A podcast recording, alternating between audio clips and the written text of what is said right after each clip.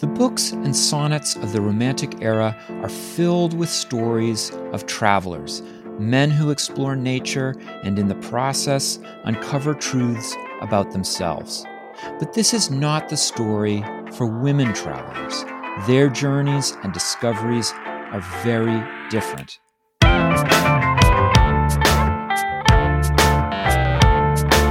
It's time to eat the dogs. I'm Michael Robinson. Today, Ingrid Horrocks talks about the way women travelers are represented in late 18th century literature, particularly in the work of women writers. Horrocks is an associate professor in the School of English and Media Studies at Massey University in Wellington, New Zealand. She's the author of Women, Wanderers, and the Writing of Mobility, 1784 to 1814. Ingrid Horrocks, thank you so much for talking with me. Thank you for the invitation. So, this is a terribly unfair question, but I'm going to ask it anyway. What is the Romantic movement, and is there a particularly special place that you think travel has within it? Ah, that is a broad question. um, okay, okay. So let's start first with the period that it's Sure. associated with.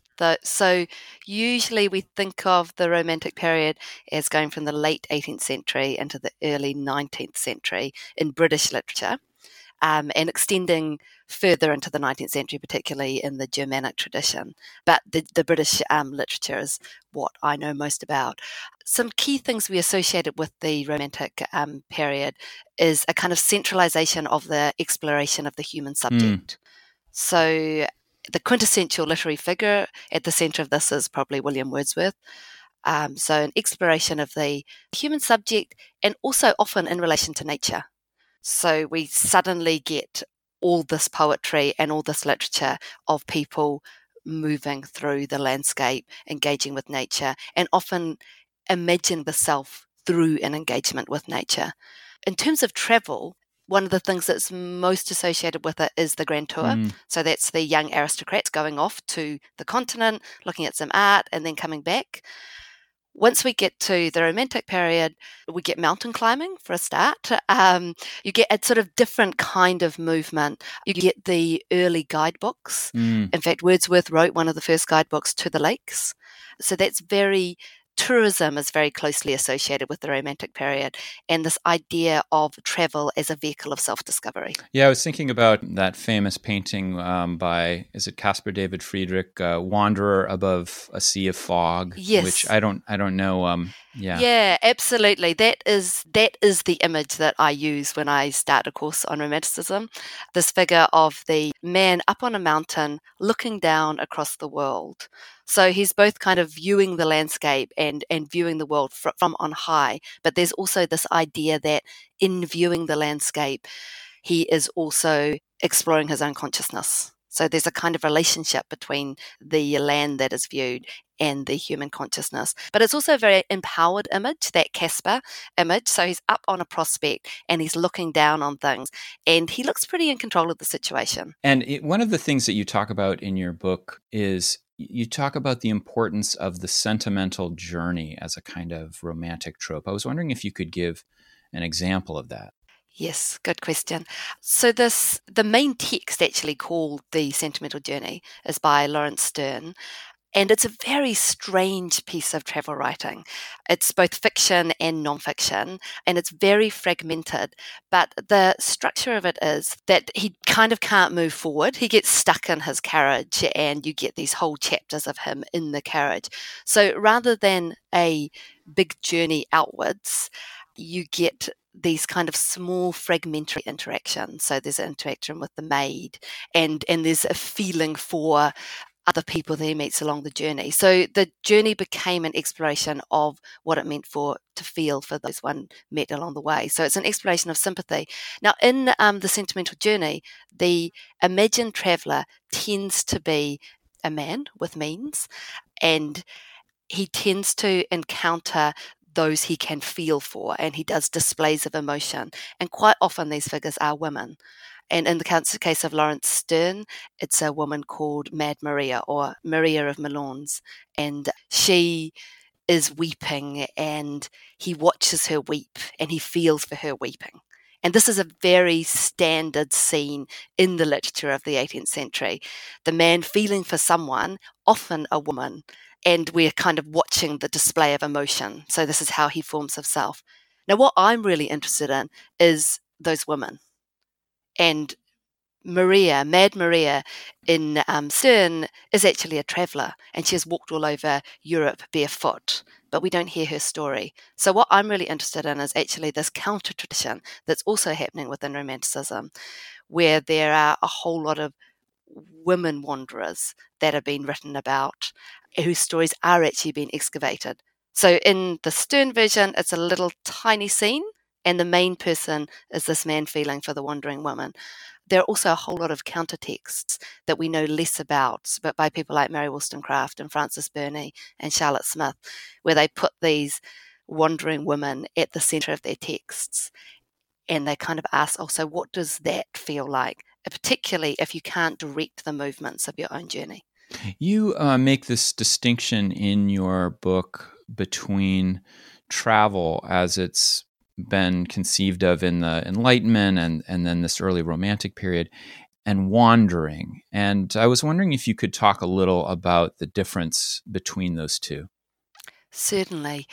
Yes. Yeah, so wandering doesn't assume any kind of destination or homecoming, and it works by detour and digression which can make it very liberating and a kind of wonderful experience if you're, say, for example, walking around the, the Lake District.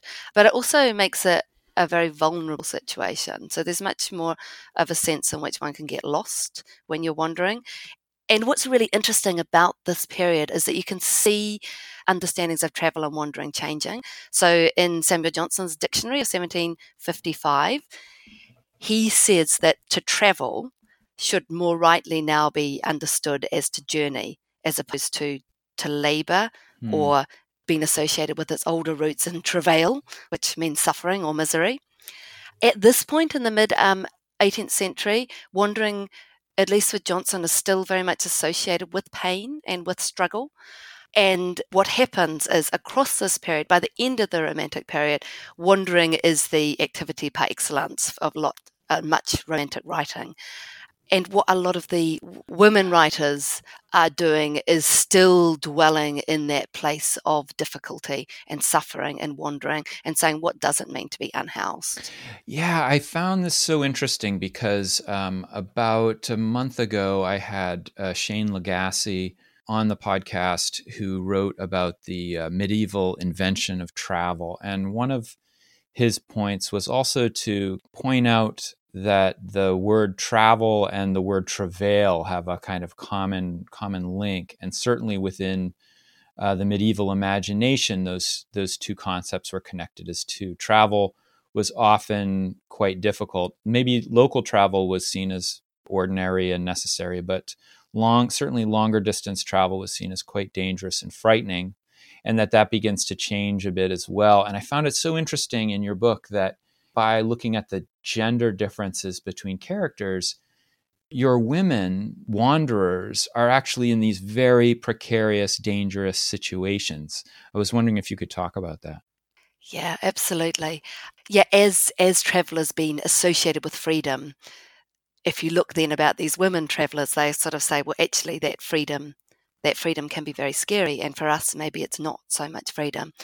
So if we think about the example of Charlotte Smith, who is has been the subject of a lot of um, scholarly attention in the last two decades. So she's a contemporary of Wordsworth, a slightly older contemporary, and is now recognised in some ways as kind of the great missing romantic poet. And she wrote her first book of poetry when she was 25 and she was confined to debtor's prison with her husband and her nine living children. Wow. And obviously, the obvious way to make any money was to write a book of poetry, um, which just gives you a sense of the lack of lack of options for women. And quite soon after that, she made the very unconventional step to leave her husband, who was abusive and um, and spent all their money constantly. And the scholar Elizabeth Dolan has done this fantastic online map where you can see her movements, see mm. Charlotte Smith's movements. So she moved 28 times in 19 years. Oh and generally, they weren't of her own choice. And generally, she's got all the kids at home. So they're all growing up, but she's got nine nine children with her. Some some of them died, and that's she's just moving around southern England. So these are not even great journeys. This is just someone who is constantly on the move. Sometimes she quite literally is. Um, she's running out of firewood because and she can't heat her house in winter. So unsurprisingly, you get someone who's writing quite fascinatingly about the difficulty of constant movement and what it means when your life becomes wandering as opposed to travel as this nice little adventure within your life that you have a home you go out and you come back. For someone like charlotte smith it's actually is this is her life. She she is unhoused. She isn't quite homeless but she is constantly on the move. So in her writing she figures the, these women who who have to move. And then she also turns it outwards. She's got a fantastic long poem called The Emigrants, which is about the refugees from the French Revolution who were coming in boats in a very, very cold winter in 1792 after the terror in the French Revolution. So she kind of writes about what it feels like and what it means to be on the move when you don't have any choice.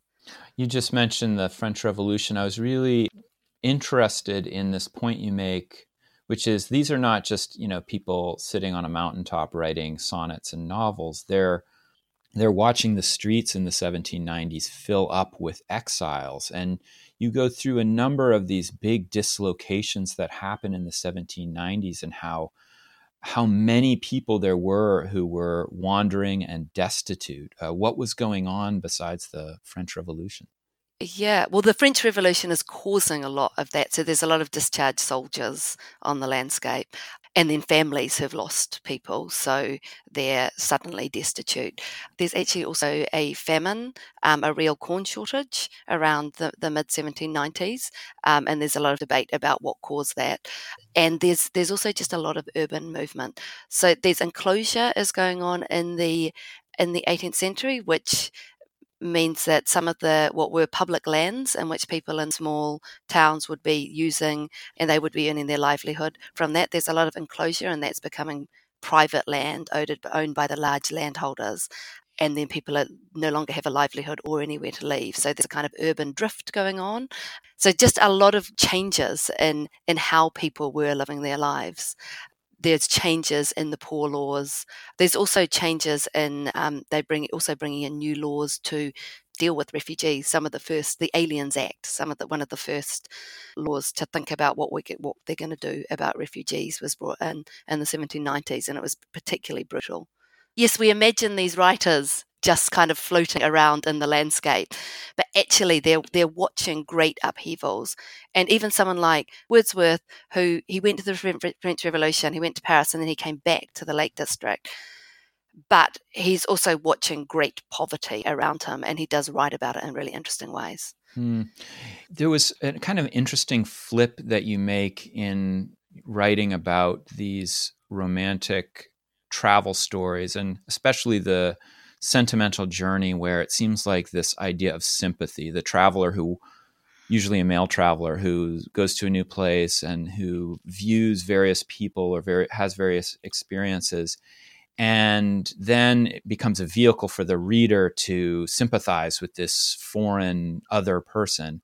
And then you say but simultaneously it makes us really sympathize with the guy uh, for being that having that capacious heart i guess to see the world so sympathetically and that the women that you describe are not are not like that. These women wanderers are far more troubled and difficult to access and you say this is very important. I was wondering if you could talk about why you think it's important.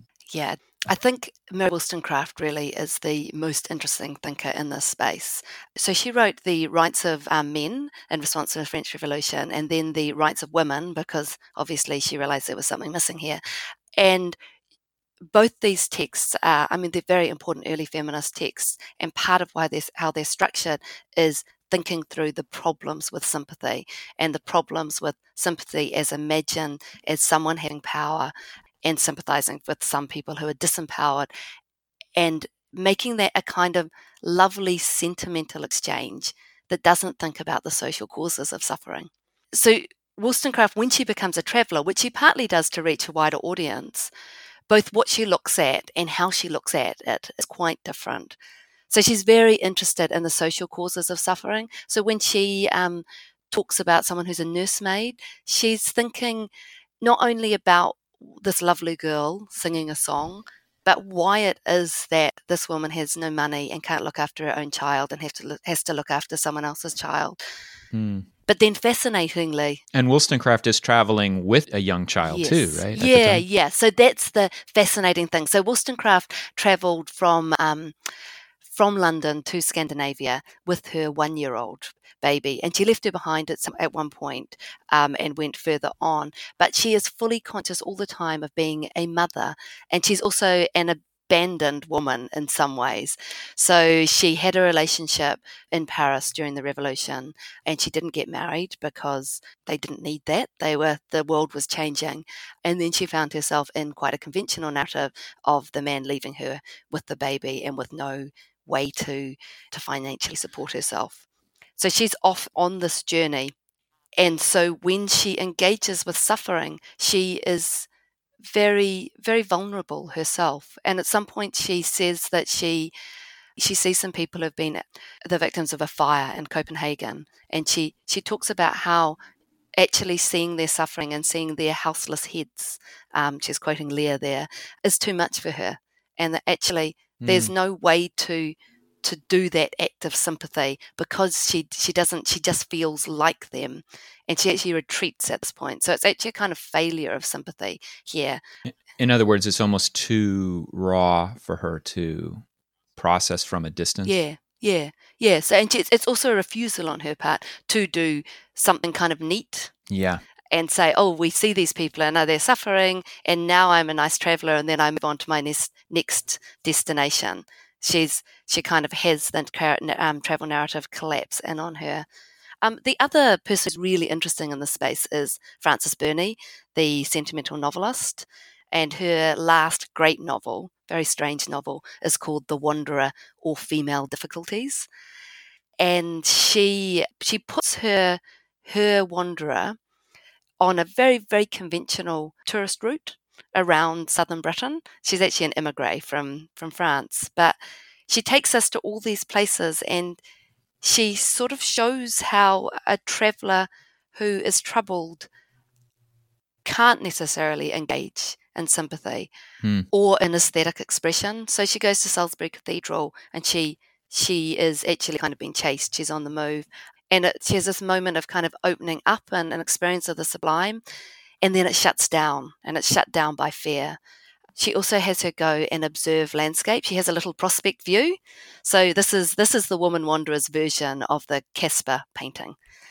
But instead of being left alone on that hilltop, Burney has this this so the woman looks out across the view and then suddenly she's actually approached by these two men who start talking about her and she actually has to run away. So there's this sense, a very physical sense that mm. that there's a real privilege associated with being able to move through the landscape and observe something and then move on, and potentially something callous about it. Wollstonecraft would say that Sterne gives Mad Maria his tears and a small coin, but nothing else really. Mm-hmm and that actually we need to do more in how we engage. You know, when I was reading this, it reminded me of an interview that it's actually really an oral history I did recently with Ruth Gruenthal, who's a psycho psychoanalyst in New York and um, 95 years old, still practicing. She's um, she'll probably be on the podcast either before or after this episode, but she I was very interested in her story of essentially escaping the Nazis, in um, first from Germany and then from France in uh, 1940, 1941. And the reason that I'm bringing this up is because I think so often for people who study history of travel or history of exploration, there is this kind of attachment to the traditional romantic sublime, that broad that broad view that you describe, and how her experience of travel was anything but that. That it was uh, the travel of exile and of fear. And when I asked her the question, you know, how did you do this? How did you travel so many miles? She said i just focused on the next thing in front of me. And it was it was just interesting listening to you talk because this idea of this perspective that actually narrows down it's not this broad expansive landscape i guess that we sometimes associate with romanticism. Yeah absolutely. And i, I think what's so fascinating about this tradition of the women wanderer is that you see the romantic tradition being unpicked even in the moment that it's been made hmm. and you kind of see what what privilege it rests on the other interesting thing in the Burney is that in order to survive, she has to pretend to be a conventional traveler. So she has to huh. pretend that she knows where she's going because people don't necessarily respond kindly to those who seem to not have any money or not have a home. So mm. not only do these people not have access to to that kind of wide view or the sublime, but but in some ways they can the yeah society around them can be kind of punishing them potentially for that fact that they don't have a place and they don't have an, a clear destination where they're moving on to. The romantic figures like the wanderer in the sea of, above the sea of fog and, and others these other male figures it's it's almost like they become such big agents in in their own story even though i guess the romantic movement is also about the bigness or sublimity of nature, but it seems like these are individuals who act with a great deal of agency. And yet, um, some of the people, some of the travelers that you talk about, I'm thinking about Ann Radcliffe, for example. Her women wanderers are actually quite reluctant. They they almost seem like they're coerced into travel. It, it seems like you're flipping this this idea that we associate so much with uh, romanticism. Yeah, absolutely. And reluctant wanderers for me is kind of my my key term. I think I think what's very interesting is that we actually have to shift our lens and have a mm. different sense of what we consider to be not necessarily travel but mobility or wandering. So Radcliffe obviously says she's a gothic writer, so all her heroines they tend to be abducted or or kidnapped or taken by some terrible guardian across Europe to a to a castle. And it took me a long time to think, oh, hang on, they're travelers or they are people on the move and their movement is interesting. So it takes a kind of, we've been so um, conditioned, I think, by that great grand narrative associated with romanticism of the person going out on the great journey or the exploration or the gentle wander in the afternoon to think that that's what movement is. And I think um, actually in the field of mobility studies, which is now across a lot of disciplines and very interesting, it's sort of we're being helped to see how mobility works on a number of levels and a number of scales, and that choice and agency is not the primary or only way in which we can imagine what is movement and what is a journey that we might actually pay attention to. I mean, for me, I'm not a literature scholar. So for me, a lot of it was quite surprising like, oh, wow, this is actually happening at the same time. These are characters within this broad narrative and i never saw it. They these were invisible characters to me. Something about that is really really quite new. And and at the same time it kind of makes me think about well it actually makes me think a little bit about joseph campbell who uh, you know would do all of this comparative mythology and talk about the, the let's say the hero's journey these kind of structures of storytelling that go way way back to you know Odysseus and and Enkidu and uh, all this stuff, and how often these early travelers were quite reluctant. They were pushed into something. They were forced into something they didn't want to do. And um, it made me think about what you were saying about travel and travail. Is there a way in which you think the women, I guess my question is this is there a way in which you think the women who are expressed in these stories and sonnets are harkening back to an earlier structure of storytelling that's been forgotten? Yes, I think the short answer to that is yes.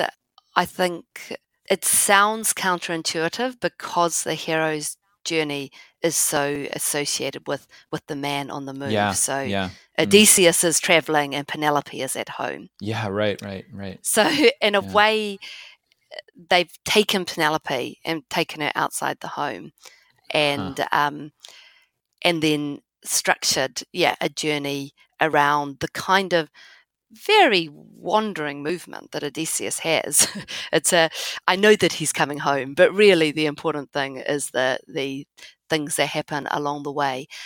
Yes, they are, they're quite strange books that I write about about these women wanderers, and part of what's strange about them is that they don't have very clear narrative structures.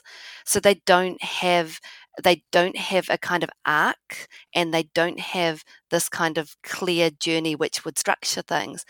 And that actually unpicks things a bit so that we have these wandering texts, which sometimes they just stop, sometimes they kind of collapse in on themselves. With Wollstonecraft, it's quite a direct refusal to perform a nice narrative for us because her life is not nice. So, yeah, yeah, I think that there's a kind of wandering storytelling and a, and a kind of reluctance about movement that these texts still hold on to before travel gets associated in literature quite so closely with this idea of movement as freedom. Yeah. So travel is so there's so many different ways to travel now. And travel is in many ways quite accessible to men and women, certainly men and women of a certain class. And I was wondering if you follow any of the or if you have any observations about travel today, or I guess my question is do you feel that travel in general or women's travel in particular follow some of these older tropes, or do you think we're in a very different place uh, in the way we think about travel today? Okay, such a such a good question. I do think some of the certainly some of the writing about movement still follows these tropes. So someone like um, Robert Macfarlane, who I'm a, I'm a sure, great admirer yeah. of, the British nature writer, he seems to me to be a direct descendant of Wordsworth and the kind of wandering through the landscape. Mm-hmm. Um, and there's even some photos you can find where he looks exactly like the Caspar painting, kind of looking down from the mountaintop. Yeah. Um, and I still do think that um, at least men's travel writing is still kind of the dominant discourse. Yeah. Um, I've I've come across a course on travel writing that didn't have any women, so I still think we quite often think of the men going going out as being the main travel writers at least, but I think that that's I think that's a problem with writing about travel, and I think that one of the things I think is really interesting now is that there's a lot of family travel. Mm. So we still think, seem to think of the traveler as as a kind of individual person who goes out or a kind of team that goes out. But I think it's very interesting to think about how there are families on the move now. I think it's it's a really hard question because we're talking about access to travel, but also we're yes, in another yeah. unprecedented moment of global upheaval. So I think some of our writing is still caught in the romantic moment. Yeah. Mm. Um, mm. And they, that we also often think about the oh what what's interesting travel oh it's when you go on a big journey somewhere whereas actually i think of the quotidian of the everyday movements of people's lives are often at least at least as interesting women have really do have access to travel now, women of a particular class, it still feels different to me. I'm also a travel writer. Uh, there's still things that feel I feel vulnerable doing that I might not feel vulnerable doing if I if I was a man. Um, yeah, yeah. I think that changes with age as well. I'm now in my 40s, and I have to say that traveling alone in my 40s as a woman is much more pleasant than traveling alone in my early 20s as a woman. Yeah. Yeah, I yeah. get left alone. Usually it's good. Ingrid Horrocks, thank you so much for talking with me. Thank you very much. A pleasure. That's it for today. The music was composed by Zabrat Make sure you check out the Time to Eat the Dog's website for podcast links and other exploration related stuff. And if you get the chance, please take a minute to rate and review the show wherever you get your podcasts. It really helps make the show visible to new listeners. And if you want to recommend a guest or make a comment, feel free to contact me at time to eat the dogs That's one word, lowercase, at gmail.com. See you next week.